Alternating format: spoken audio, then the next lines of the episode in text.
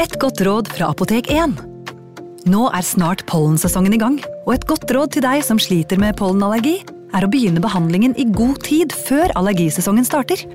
Da får du nemlig enda bedre effekt av legemidlene, og så blir ikke våren din helt ødelagt. Kom innom og få råd på ditt nærmeste Apotek 1, eller chat med oss på apotek1.no. Apotek 1 vår kunnskap, din trygghet.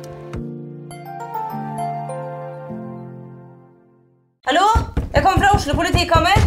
Ine Jansen er purk. Er du purk? The motherfucking bitch. Alt jeg vil, er å finne ut hva som skjedde med mannen min. Jon Carew. Er jeg sikta for noe? Iben Akeli. Det er du. Ole So, Lars Berrum og Big Daddy Karsten. Hvem sin side er du på, egentlig? Anette Hoff, Tone Danielsen, Kommer du fra Afrika? Jørnis Josef, Nesten. Kløfta. Trond Espen Seim, Det er synd å si det, men det var feil mann som døde. Purk. Premiere tirsdag på TV2 Play.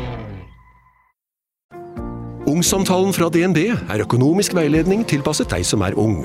Bokk en ungsamtale på dnb.no. slash ung. Det er kjempebra hvis du skal inn på boligmarkedet, hvis det er drømmen din, liksom. Det er det du skulle sagt. Og så kunne du ropt litt mer, da, sånn som jeg gjorde. Bam! Advarsel. Historiene vi forteller i denne podkasten kan være fiktive og avvike fra den opprinnelige historien av dramaturgiske årsaker. Meninger og påstander i historiene reflekterer nødvendigvis ikke programledernes meninger eller virkeligheten.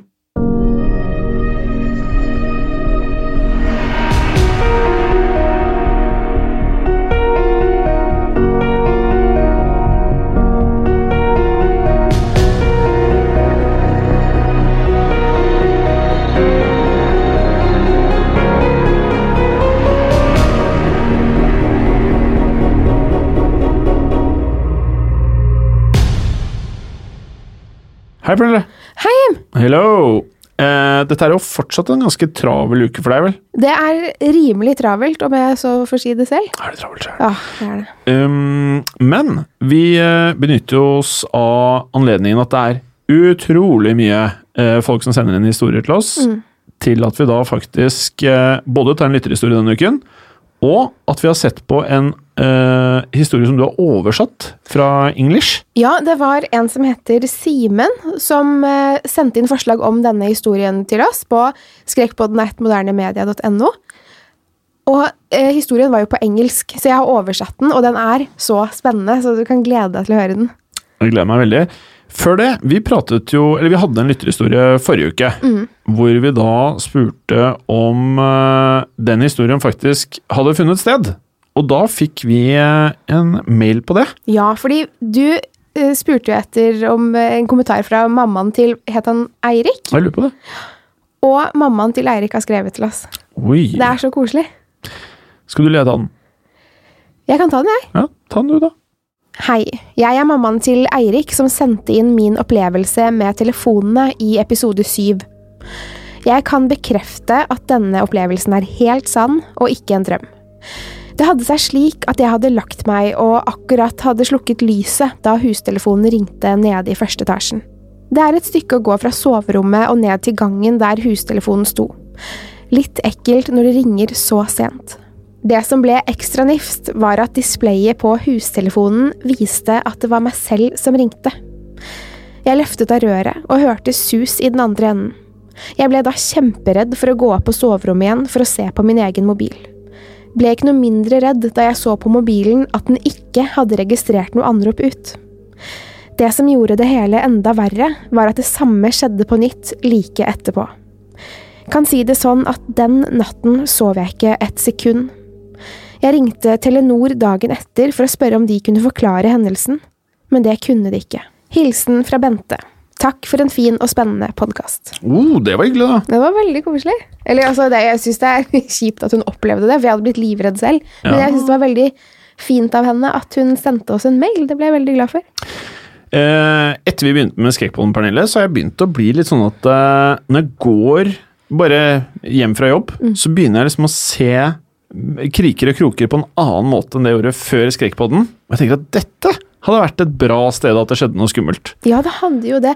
Jeg, etter at du fortalte historien om Svarthunden, eller Malkanisen, så har jeg faktisk begynt å se Vi er jo på Akershus Ja, er festning og spiller inn dette. mm. Så jeg har alltid begynt å se etter Svarthunden når jeg går hjem etter innspilling. Har du jeg, sett han? jeg har ikke sett han, og jeg lever jo enda, så jeg, det har jo gått greit. Men du vet vi pratet om at det angivelig er overvåkningskameraer som har filmet Malkanisen. Mm. Det er jo både det og denne spøkelsesturen på Akershus festning vi må ta tak i nå veldig snart, tenker jeg da. Det må vi, det har vi snakket om lenge. Det har vi snakket om. Eh, når er eh, True Crime-podden live? eh, I slutten av april, 26. april i Kristiansand, og 27. april i Grimstad. ja, og da er det på Billettene kan kjøpes på tikkio.no. Tikkio, ja. Mm. Tikkio.no. Hvordan staver man det? da? T-i-k-k-i-o.no. Dobbel K, ja. Det er topp. Akkurat. Han Også, kan det, han Bråten. Ja, han, han er veldig frempå her. Han, han, du er viktig i kulissene, ja. Mm. Mm. Pernille, Ja. du har veldig mange sider foran deg. Jeg har veldig mange sider foran meg, for jeg glemte PC-en min hjemme i morges. Mm. Så jeg måtte få kontoret her til å printe ut hele manuset for meg. Det var vel Bråten som gjorde det, tenker jeg. Yes! Mm. Og eh, det her er jo over fem sider med tettskrevet eh, tekst. Pleier å være det. Ja, og da er jo eh, Jeg er jo litt der at jeg tenker at dette er en lang story, da. Ja, det er en lang og spennende historie. Jeg ble på ordentlig ganske redd da jeg oversatte den. Ja. Så jeg eh, tror den her kan være interessant for lytterne. Da har du en utfordring her nå. Nå skal du skremme både meg, Bråten og lytterne. Yes. Ok. Da setter jeg i gang. Denne er skrevet av brukeren u-mhopp99 og er innsendt av en lytter som heter Simen. Historien var opprinnelig på engelsk, og den er oversatt av meg. Den er publisert på Reddits underforum Let's Not Meet. Historien heter Nightmare Experience at My Friend's Cabin. Historien handler om meg og tre veldig gode venner av meg. Vi har vært venner siden barndommen. I denne historien velger jeg å kalle dem Kevin, Ryan og Tommy. Jeg vil nevne at jeg også er venner med dem i dag. Jeg kunne aldri ha skrevet denne historien uten deres hjelp og samtykke, heller ikke deres opplevelse av hva som skjedde. Historien jeg skal fortelle dere nå, er helt sann. Alt skjedde. Uansett om vi innbilte oss dette eller ikke, opplevde vi noen skikkelig skumle greier på Kevins hytte. Vi har tenkt lenge på om vi i det hele tatt skulle dele denne historien, for vi er litt redde for å bli latterliggjort, og for at ingen skal tro oss. En av oss fikk faktisk et nervøst sammenbrudd etter hendelsene og gikk i terapi en periode. Uansett, jeg vil også at dere skal vite at jeg alltid har vært en skeptiker til spøkelser og andre paranormale fenomener, men har likevel alltid hatt et åpent sinn. Jeg elsker skrekkfilmer og skumle historier, men jeg har bare aldri klart å tro på det overnaturlige helt og fullt. Jeg mener likevel at det å ha et åpent sinn er viktig for å utvikle seg, så uansett hva det var vi opplevde den natten i Kevins hytte, overnaturlig eller ikke, var det virkelig noe der den kvelden. Så til historien. Rundt midtsommer, jeg tror det kanskje var i midten av juli, skulle jeg og kameratene mine, som jeg nevnte i innledningen, reise til Kevins families hytte, som lå helt nord i Minnesota, midt i skogen, rett ved Lake Vermilion. Vi alle hadde vært på hytta før med våre fedre og bare Kevins far, så vi kjente både hytta og stedet godt. Vi gikk tredje året på high school og følte oss modne nok til å dra på hyttetur alene for første gang. Kevins pappa var med de to første dagene for å hjelpe oss med å komme i orden på hytta og for å sjekke at alt var som det skulle. Før jeg går videre, syns jeg det er viktig for historien at jeg forteller litt om hytta og området rundt. Hytta ligger ganske øde til, den ligger i skogen, men også nesten rett ved vannet. Hytta ligger på en ganske stor øy, og det er flere hytter på denne øya, men de nærmeste ligger kanskje en kilometer bort, så det er nesten som å være alene. For å komme til øya måtte vi parkere ved en grusvei og ta Kevins families båt over vannet, kanskje et par kilometer eller mer, da øya og innsjøen er ganske stor. Hver gang jeg har sovet på hytta, har jeg alltid syntes det har vært litt ekkelt. Soverommene, kjøkkenet, badet og stuen var på samme etasje. Det var ikke gardiner foran vinduene, slik at man kunne se den bekmørke skogen og det svarte vannet utenfor vinduet. Jeg har alltid vært litt redd for at noen kikket inn gjennom vinduene på oss, men det var selvfølgelig aldri noen der. Jeg hadde jo vært der et dusin ganger før gjennom oppveksten, og jo eldre jeg ble, jo lettere ble det å sove der. Tilbake til historien. Vi pleide å være i hytta i ca. en uke om gangen, noen ganger bare i fem dager, for siden det var så langt dit, var det alltid greit å være der en stund, så det ikke ble så mye reising på kort tid. På den tredje dagen hadde faren til Kevin dratt hjem, og vi gutta var endelig alene. Vi hadde gledet oss, for vi hadde tatt med en del øl som vi hadde planer om å drikke den kvelden. Jeg tror ikke det hadde vært noe problem for han at han visste det, men vi turte i alle fall ikke å fortelle faren til Kevin at vi hadde med alkohol, for han hadde nok sagt det til foreldrene våre, og da hadde vi sikkert ikke fått lov til å være der alene før vi ble gamle nok. Vi tente opp bålet rett ved vannet og koste oss og drakk øl hele kvelden. Det var begynt å bli mørkt, og vi gikk ut på bryggen for å se på stjernene. Det var en fantastisk fin og klar kveld. Vi sto der alle fire og så utover vannet og opp på stjernene da vi plutselig hørte en lyd. Det hørtes ut som noe var i vannet, akkurat som en fisk hoppet etter en flue eller mygg. Det var i alle fall det det hørtes ut som, men det vi så, viste seg å være noe annet. Alle snudde seg etter lyden, og siden vi hadde med oss fiskestenger, gjorde vi oss klare i tilfelle det var en stor fisk. Det var helt mørkt ute, men som sagt klart, og månen lyste opp innsjøen. Plutselig sier Ryan, eh, hva i helvete er det der? Han pekte ut i vannet, og alle prøvde å se hva det var for noe. Det eneste jeg kan beskrive det som, var at noe fløt i vannkanten, noe på størrelse med en fotball.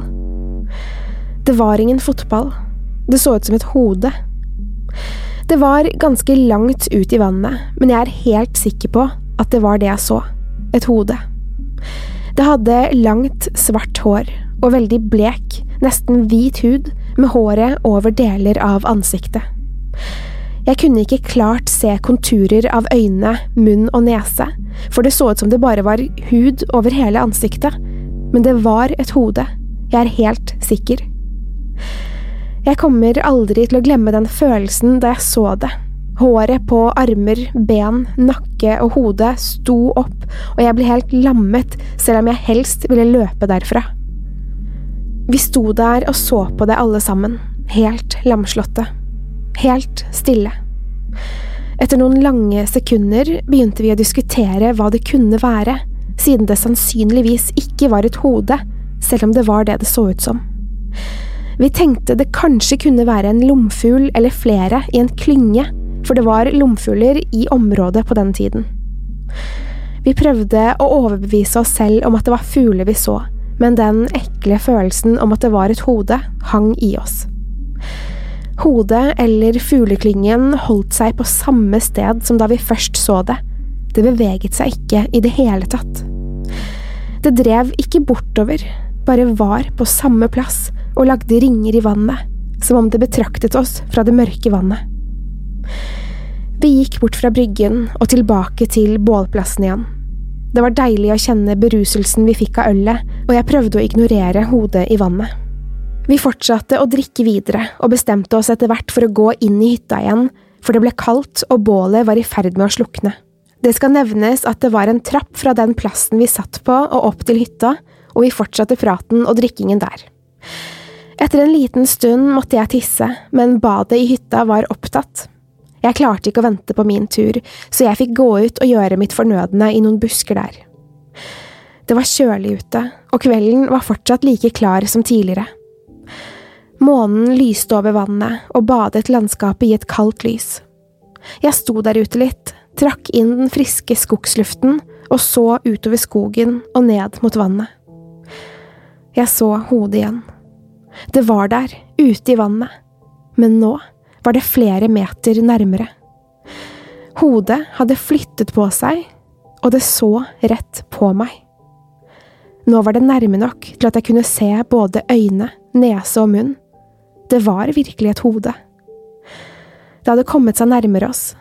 Det betraktet oss. Det var helt blekt. Huden var kritthvit.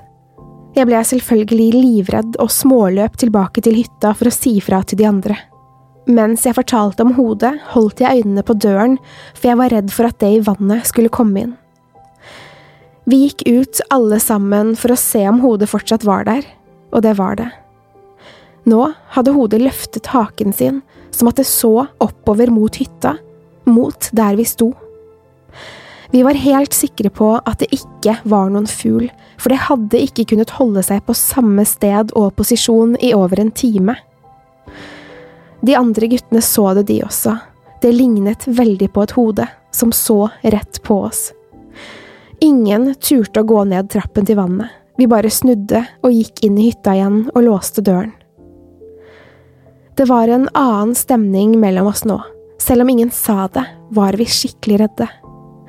Vi diskuterte oss imellom hva det kunne være for noe, men kom ikke opp med noen logisk forklaring.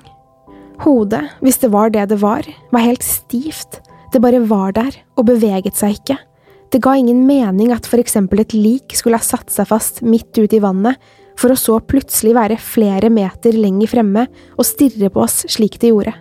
Vi ble enige om at det sikkert var en gammel trestamme som satt fast i noe på bunnen og så litt skummel ut på grunn av mørket og vi hadde jo faktisk drukket øl. Vi drakk litt mer øl og prøvde å få opp stemningen igjen, og det funket. Etter enda et par timer var det blitt sent, og vi var alle trøtte. Vi la oss i hver vår seng, men bestemte at alle dørene skulle være åpne inn til stuen i tilfelle noe skjedde. Kevin dobbeltsjekket at ytterdøren var låst, og vi slukket lysene. Før jeg la meg i sengen, så jeg en siste gang ut av vinduet for å sjekke om hodet fortsatt var der. Jeg vet ikke hvorfor jeg gjorde det, men jeg ville bare forsikre meg om at det ikke var noe farlig. Hodet var borte. Da tenkte jeg at det var en bra ting, for jeg ble faktisk lettet og slo meg til ro med tanken om at vi sikkert hadde sett feil. Jeg åpnet vinduet litt, for jeg liker å ha det kaldt når jeg sover, og hytta hadde ingen aircondition. Det kjentes godt med den friske luften fra vinduet, men jeg klarte likevel ikke sove. Opplevelsen med det som var i vannet, hva enn det nå hadde vært, hadde satt en støkk i meg. Jeg lukket øynene og prøvde å puste dypt for å roe ned kroppen. Jeg nøt stillheten fra skogen og kjente at kroppen ble tung og søvnig. Plutselig kviknet jeg til.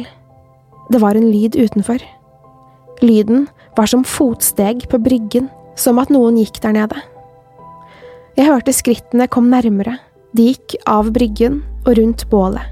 Jeg ble så redd, hjertet hamret i brystet, og jeg fikk helt vondt i magen. Jeg lå helt stille, turte nesten ikke puste mens jeg hørte at skrittene nærmet seg. Jeg kunne høre at trappen opp til hytta knirket, sakte som om den eller det listet seg opp. Ett trinn, to trinn, så stoppet det opp i noen sekunder for skrittene snudde og løp lynraskt vekk. Jeg satte meg opp i sengen, og Tommy, som jeg delte rom med, sov. Jeg hørte etter lyden av skritt, men de var borte. Jeg vekket Tommy og spurte om han også hadde hørt skrittene. Han nikket.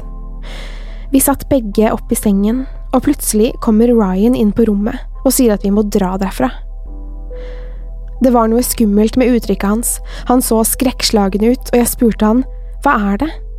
Men han svarte bare at vi måtte dra. Nå. Han vekket også Kevin og ropte vi må dra, ta med dere alt og løp til båten.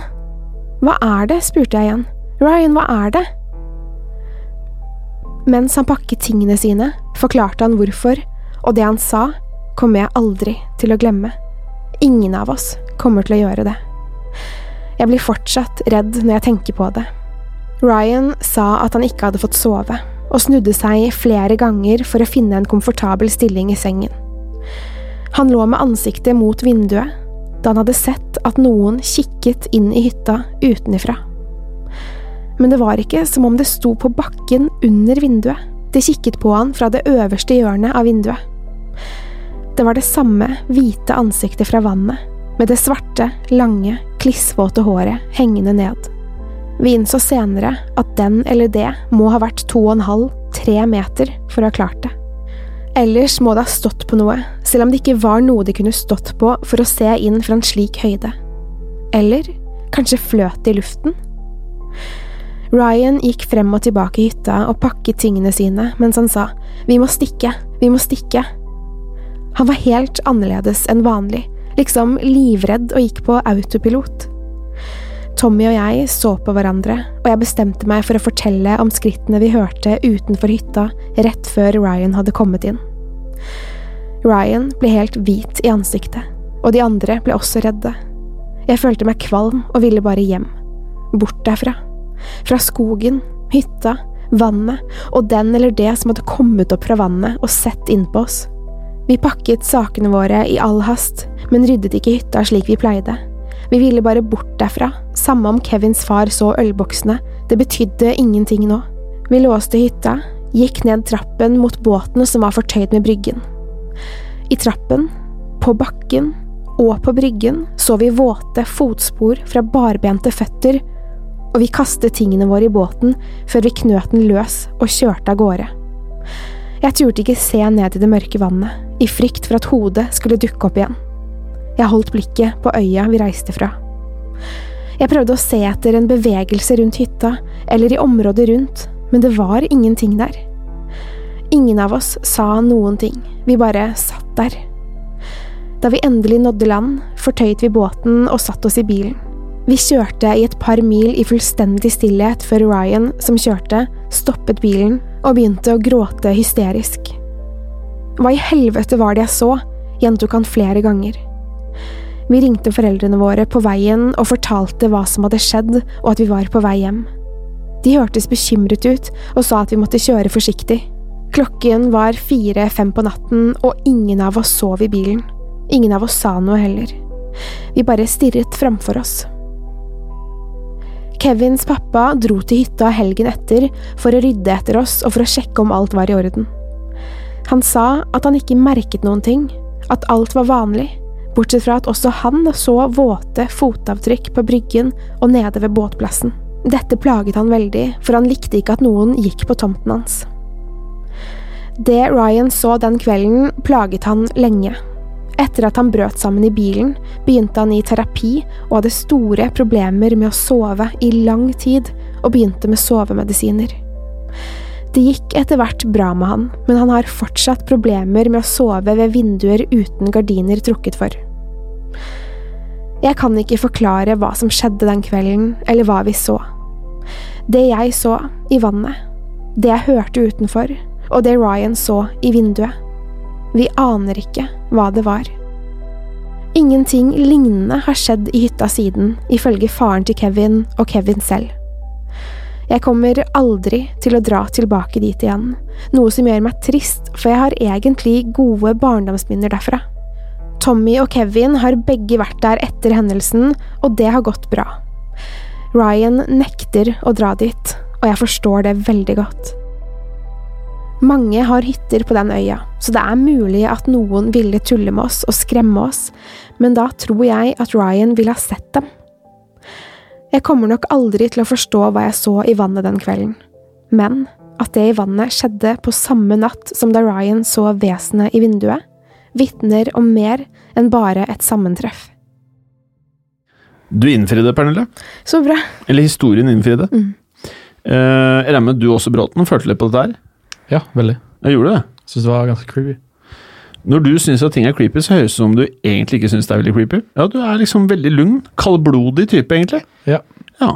Veldig bra. Der hørte vi det. Og du syns det var creepy å oversette, og regner jeg med at du syns det var veldig creepy å lese den? Ja, jeg syns det. Men det, var, det er jo man, Alle har jo vært på hyttetur, sikkert, og når det er mørkt og man ikke helt kjenner lydene og sånn, og så plutselig så hører man fotskritt, fotsteg, som det heter, og, og ser et hode i vannet. Jeg hadde blitt livredd, jeg.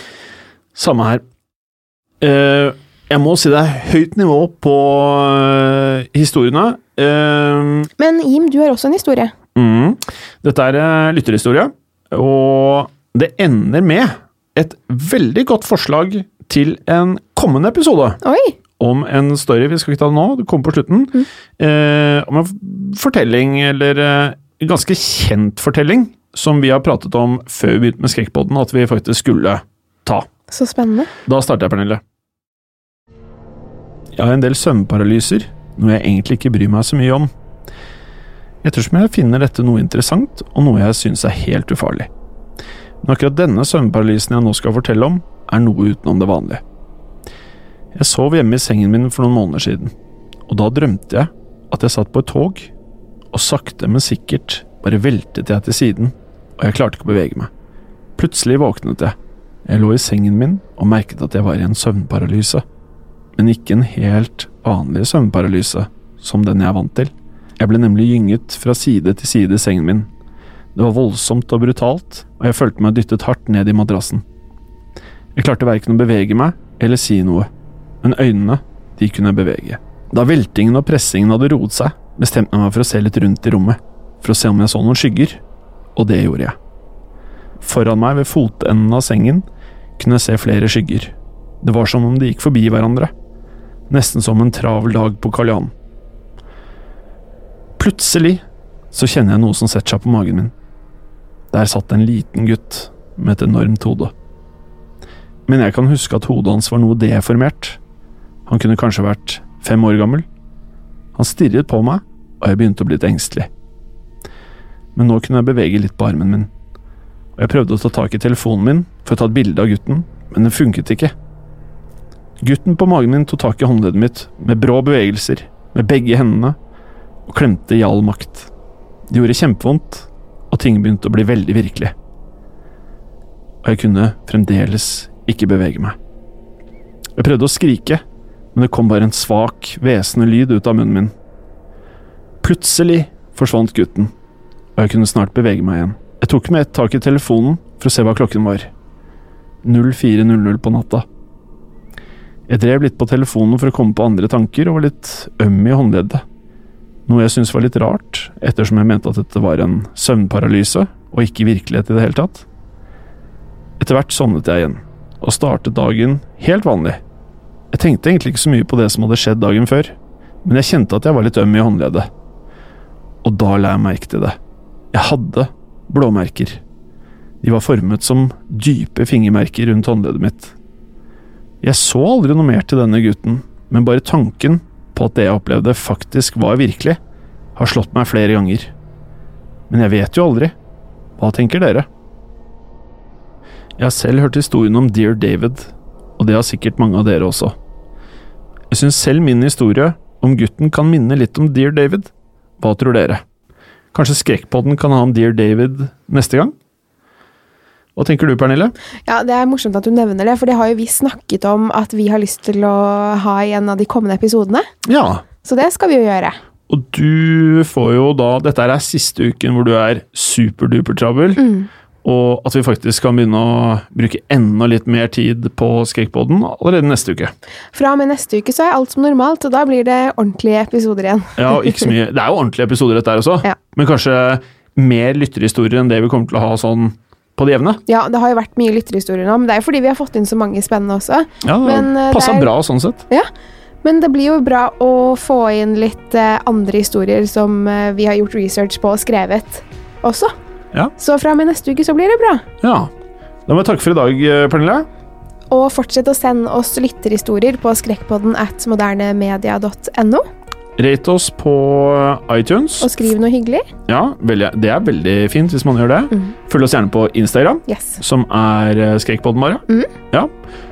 Husk, Hold det skummelt. hold det skummelt.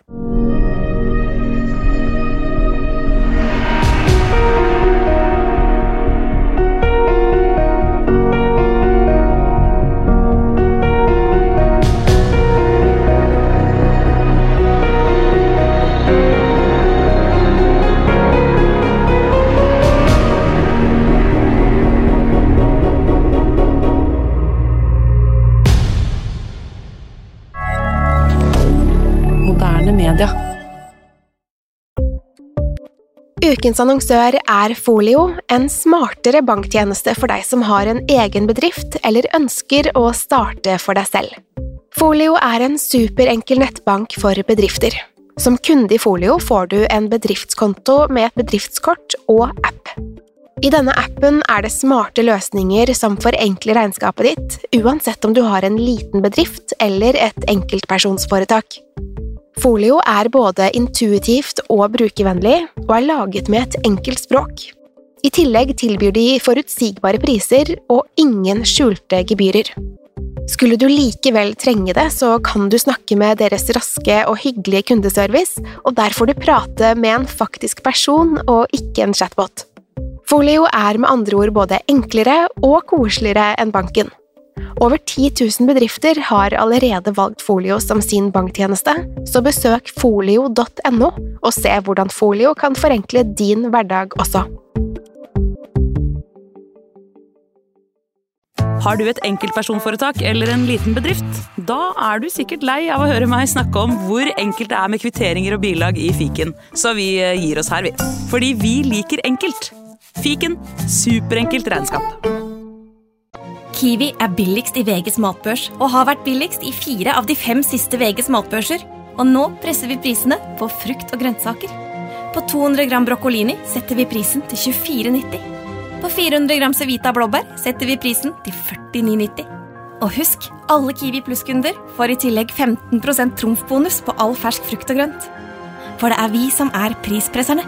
Og vi i Kiwi gir oss aldri på pris.